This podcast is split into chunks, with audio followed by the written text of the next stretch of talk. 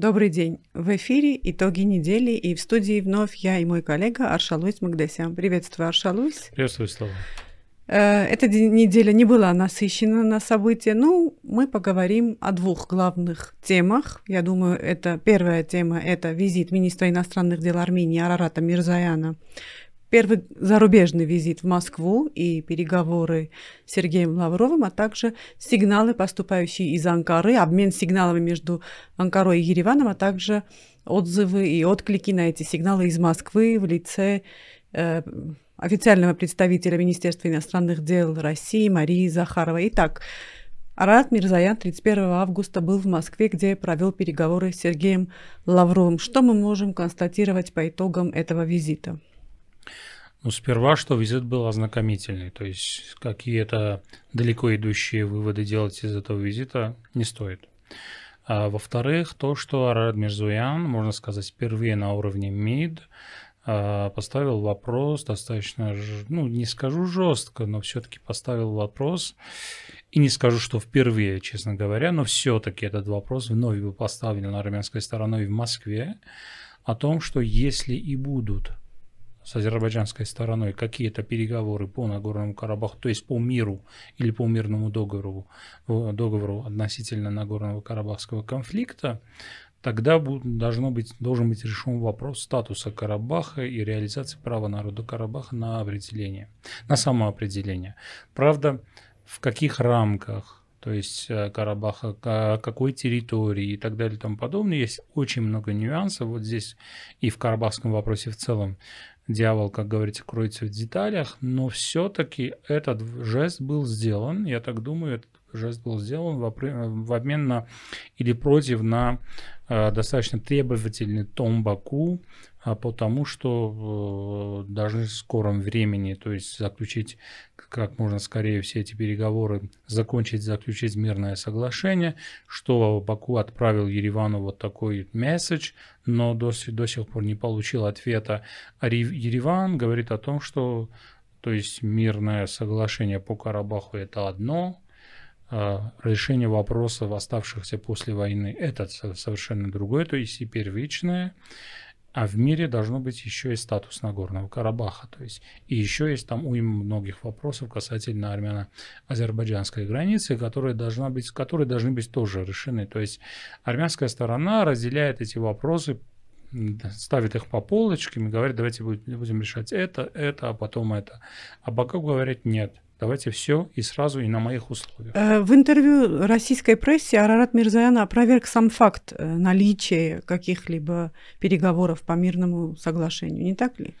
Да, проверки, ну и сказал, что сказал, пока, то есть сейчас таких переговоров нет, не ведутся такие переговоры, но если в будущем такие переговоры будут вестись, то во главу угла или одним из э, важнейших вопросов должен быть статус Нагорного Карабаха или право народа на Карабаха на самоопределение, что и, можно сказать, э, всегда был в основе решения Нагорно-Карабахской проблемы, потому что всегда вопрос упирался несколько, то есть решение проблемы упирался на несколько вопросов. Это статус Карабаха, то есть каком, в каком статусе будет вообще в целом Нагорный Карабах, промежуточный статус, потом окончательный.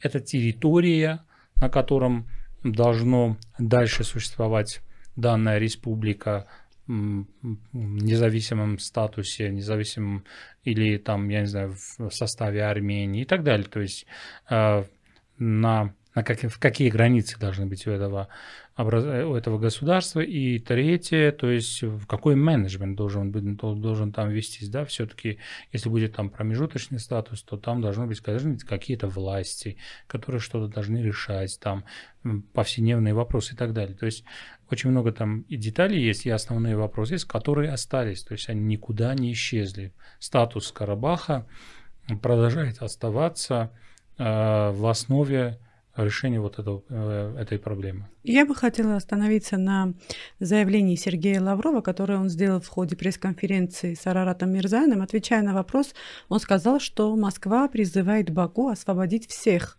военнопленных без каких-либо условий. Это был бы шаг навстречу, это был бы шаг, который может способствовать восстановлению доверия между сторонами и так далее. Можно ли это рассматривать как сигнал э, Баку в контексте некоторого обострения между Азербайджаном и Россией, которое наблюдается в последние недели? Вы знаете, мы с точки зрения Еревана можем многое понимать, там многое воспринимать очень серьезно. И интерпретировать. Близко, да, близко к сердцу, истолковывать, сделать какие-то далеко идущие замечания. Но, э, к нашему сожалению, в этом плане, э, у Москвы есть уйма каналов для разговора с Баку. То есть э, для этого не должно быть какая-то пресс-конференция с армянским министром, чтобы Лавров выступил с каким-то месседжем, и в Баку бы поняли этот месседж и сделали какие-то выводы. Да, безусловно, это заявление было сделано, но такое же заявление, я напомню, были сделаны и до этого, точно с такими же формулировками, что э, все пленные, которые были на момент э, вот заключения, под, заключения. Да, заключения этого соглашения, подписания этого соглашения, они освобождены. А другие пленные, которые сейчас у Баку, они были уже пленены, так скажем, после. то есть после этого соглашения, но все-таки, и, и тогда еще Лавров сослался на заявление Баку, бакинских, то есть азербайджанских властей, что они считаются, они, Азербайджан не считает их пленными, а по-другому их называют, да, диверсантами и так далее. И судит также, кстати. А, но Москва, тем не менее, призывает азербайджанскую сторону поступить, так скажем, гуманно или, или что еще там, какие формулировки, и освободить всех пленных без предусловий, потому что это создало бы хороший фон для для реализации всех тех договоренностей, которые были достигнуты. То есть эти заявления были сделаны и до, до этого. Если побеседовать отдельно об армяно-российских отношениях, у тебя есть ощущение, восприятие того, что армяно-российские отношения как бы входят в нормальную колею, проходит некоторая обида или недосказанность, которые, может быть, были э, в послевоенный период, разочарование и так далее? Более конструктивное русло? Знаете, все-таки э, этот период должен был наступить, потому что государство есть государство, и государство должно функционировать, э, исходя из своей логики э, повседневного, решения повседневных задач и решения задач стратегического плана. То есть кто бы ни сидел на кресле премьер-министра Армении, он не может делать какие-то телодвижения, которые, например, может делать Грузия все-таки, и даже после войны. Потому что есть антураж геополитический, который нас окружает, есть проблемы, которые сохраняются, есть угроза безопасности, есть все-таки региональная карта. Если кто-то посмотрит на эту карту, все, можно сказать, э, все вопросы, многие вопросы снимутся. Поэтому э, другой э, России у Армении нет – чтобы решать все эти задачи, которые возникли перед Арменией. И другой Армении у России тоже нет в этом плане. Но все-таки, исходя из задач вопросов безопасности, исходя из угроз и взаимных интересов, насущных, да, э, Россия важнее для Армении, чем Армения для России. Вот так скажем сейчас да, потому что у России масштабы интересов другие. У России, кроме Закавказья или Южного Кавказа, есть другие регионы, которым это, это, это государство занято. Есть Сирия, там есть Ближний Восток, есть, э, есть Афганистан, сейчас появилась эта, эта тема, и многое время, э, то есть э, достаточно много усилий уходит на это, там укрепляют да, эти рубежи границы, там, в общем, есть вопросы с Таджикистаном, есть границы вопросов, есть вопросы там э, угроза проникновения террористов и так далее.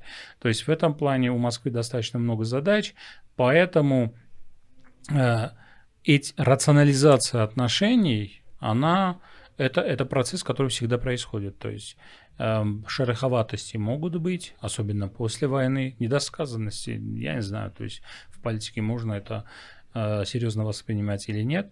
Они могут быть, конечно, но, э, но есть государственные интересы, в рамках которых нужно функционировать. Ну, если продолжить э, тему внешней политики России, также перейдем уже ко второму вопросу нашей сегодняшней беседы.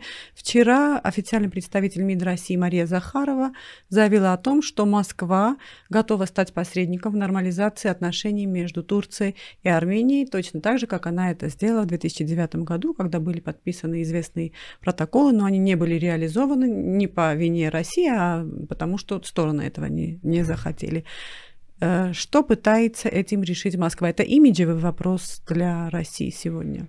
Россия понимает, что Турция никуда не исчезнет, и Армения никуда не исчезнет из региона. И когда-нибудь должен возникнуть вопрос нормализации отношений с Анкарой а, между Ереваном и Анкарой. Также Если... в контексте Карабаха и Конечно, конечно, конечно. А, потому что один, для, с точки зрения Турции, один раздражитель, который присутствовал в этом, это и главный раздражитель, можно сказать, для Турции, это Нагорно-Карабахский конфликт, который существовал в своем виде, в том виде, который существовал, то есть до 27 сентября прошлого года, в таком виде его нет. Для Турции, по для крайней Турции, мере. Конечно. Для Армении для раздражителей а, остаются. Для Турции. И а, Турция тогда требовала определенных уступок с армянской стороны. Эти уступки в военном плане, можно быть, уже сделаны и сделаны даже больше, чем Тур- Турция ожидала бы. А, с другой стороны, Турция понимает, что и руки Армении в плане Карабаха развязаны, потому что там Россия. Все-таки это а, сколько бы Турция не участвовала в боевых действиях по Карабаху прошлой осенью, сколько бы не хотела нарастить свой вес и потенциал в этом регионе, все-таки там есть уже Россия, российское военное присутствие. Конечно, есть российско-турецкий мониторинговый центр, центр но, ну, это, но это в разные весовые в этом, категории. В этом абсолютно. плане недостаточно серьезно звучит, да. Конечно, у Турции в лонг-терме, то есть в далеком, э, то есть в долгосрочной, долгосрочной перспективе. перспективе, да, вы правы, могут быть определенные интересы, которые она будет продвигать дальше. Но для того, чтобы продвигать эти интересы дальше, с учетом присутствия России в этом регионе и присутствия России в самом Карабахе, для этого нужны уже другие инструменты, я так понимаю, то есть в Анкаре уже это понимают. Это открытие границы, это мягкая сила, это экономические интервенции и так далее. То есть я считаю, то я думаю, что, полагаю, вернее, то есть, э, что Турция сейчас будет продвигать, продвигать эту линию, конечно же, в процессе пытаясь получить другие уступки со стороны, добиться других уступок со стороны Армении. Ну, во-первых, ну, например, вопрос геноцида Армии, вопрос признания турецких границ и так далее. То есть э, другие, других предусловий может, тоже может быть, но они не будут настолько остры, э, чем была там Нагорно-Карабахская проблема. Сейчас для Турции наверное, то есть Турция думает так, что сейчас открытие границы э, создает для них более благоприятную почву, почву для дальнейшего э, усиления своей роли в регионе, чем их неоткрытие. И тут дело и Армении тут... тоже сформулировать, э, сформулировать уже свои какие-то условия, конечно, в пределах рациональности и имеющейся ситуации. И тут и это в России понимают. То есть мы, вопрос был о том, почему Россия говорит о том, что они могут и готовы э, там, стать посредником или ну, там, поддерживать этот процесс. Да? В России это понимают. С ними или без них, можно сказать, этот процесс когда-нибудь произойдет. А лучше с ними. То есть лучше Армения будет в этом вопросе э, выступать э, с Россией вместе, так скажем. Лучше Россия будет в этом вопросе модератором, да, каким-нибудь. А тем более у Эрдогана и Путина достаточно хорошие отношения в этом плане. То есть э, лучше с Россией, Россия будет в этом участвовать и как можно больше свои проекты продвигать на этом треке, чем без России. Спасибо, Шалуис, за интересное обсуждение. Спасибо большое. Напомню, в эфире были итоги недели на канале CivilNet.